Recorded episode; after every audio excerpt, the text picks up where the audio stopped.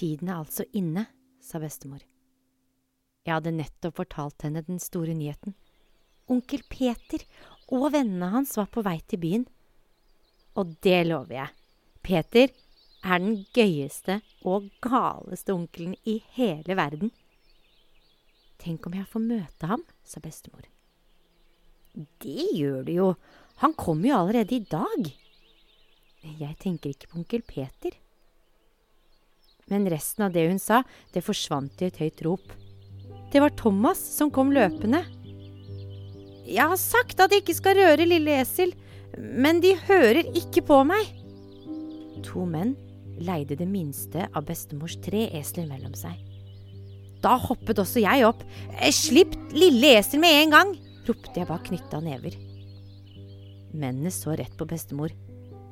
Eselfolen har bruk for å bli lånt. Den sendes straks videre, sa en liten, tykk mann med høytidelig stemme. Den andre, en høy og tynn mann, ristet oppgitt på hodet og beklaget. Det han mener å si, er Herren har bruk for eselfolen, og han sender den straks tilbake igjen. Ja, det var jo det jeg sa, mumlet den tykke. Dere kom, hvisket bestemor og trykket hendene mot brystet, som om hun skulle ha en diger hemmelighet gjemt inni der. Ansiktet hennes lyste. Jeg visste han ville hente eselet sitt en dag. Ta det, og gå i fred, sa hun til mennene. Thomas og jeg sto og så sjokkert på de tre som gikk sin vei. Folk kan vel ikke gå og ta andres esel bare fordi en herre sier det, vel? Du vet ikke engang hvem de er, bestemor. Og de betalte jo ikke. Du kunne sikkert kjøpt brød til et helt år for de pengene, sa Thomas. Hva var det bestemor drev med? Det var nok dette som var grunnen til at folk mente at gamle damer ikke burde bo alene. Thomas og jeg ropte i munnen på hverandre, men for en gangs skyld lytta ikke bestemor til noe av det vi sa. Barn, dere må dra etter mennene til byen. Nå er han her. Hvem er det du prater om? Hvem er det som er her, bestemor? Messias har kommet. Redningsmannen. Jeg tenker også på han som en konge. Nå er han her. Og dere må løpe inn til byen og se etter ham. Da må jo du være med, bestemor. Jeg vil, men jeg klarer ikke, sa bestemor med en stemme som plutselig virket eh, litt trøtt. Jeg sto og så etter bestemor som gikk inn i huset. Hvorfor sa bestemor så mye jeg ikke forsto? Thomas trakk meg bort og hvisket. Vi gjør som hun sier. Vi drar til byen. Da kan vi nemlig finne lille esel og stjele ham tilbake. Bestemor dukket opp igjen. Hun hadde med seg kniven til Thomas.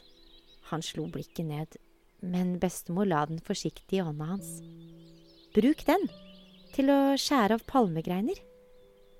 Når dere ser han som skal ri på eselet, så vift for han med greinene.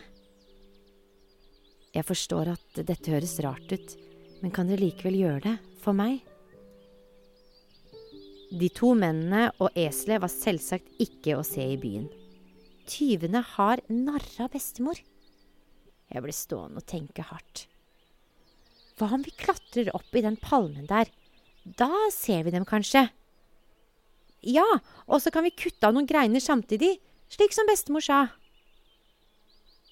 Oppe i palmen var Thomas mest opptatt av å finne dadler han kunne spise. Jeg kuttet en palmegrein til hver av oss. Jeg var gjennomsvett og temmelig irritert over at jeg måtte gjøre all jobben alene. Da jeg plutselig hørte en lyd det var umulig å ta feil av. Lille esel kom gående rundt hjørnet, og på ryggen hans satt en mann. Rett bak Lille esel gikk de to mennene, og bak der igjen kunne jeg se onkel Peter.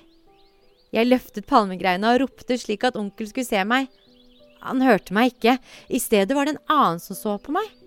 mannen på eselet, vinka til meg. Jeg vinket tilbake med greinen, og da lo han litt. Han hadde et sånt fint lys i ansiktet. Litt sånn som bestemor hadde hatt i dag. «Eh, er det han der bestemor mener er en slags konge? Han ser jo bare vanlig ut, sa Thomas og rynket på nesen. Bestemor sa det, men hun sa jo litt mange rare ting i dag, så jeg vet ikke, jeg. Hosianna! ropte en gammel mann under oss. Hosianna! ropte Thomas også. Hvorfor roper dere det, da? Passer det ikke å rope hjelp oss, da? Hvis han faktisk er en sånn Messias eller konge, så kunne vi jo virkelig trenge en som han. En som vil hjelpe, sa Thomas og spyttet ut en daddelstein. Sånn sa han det. Altså den nye vennen min, som ikke hadde noen mamma eller pappa som kunne passe på seg. Han som ville stjele bestemors esel for å selge det, og som spiste alt han kom over. Jeg smilte litt. Og mannen på eselet smilte visst han også. Mange så på oss nå, men det merket ikke Thomas. Han ropte bare videre. Og da skjedde det noe rart. En gammel dame kastet et klesplagg på veien og bøyde seg for mannen på eselet. Så løp noen barn bort i en bakke og brakk av greiner. Snart begynte flere å rope med. Og så, endelig, var han der. Han jeg hadde venta som på. Verdens gøyeste onkel sto under palmen med utstrakte hender og ropte at jeg skulle hoppe. Og så tok jeg sats og hoppet.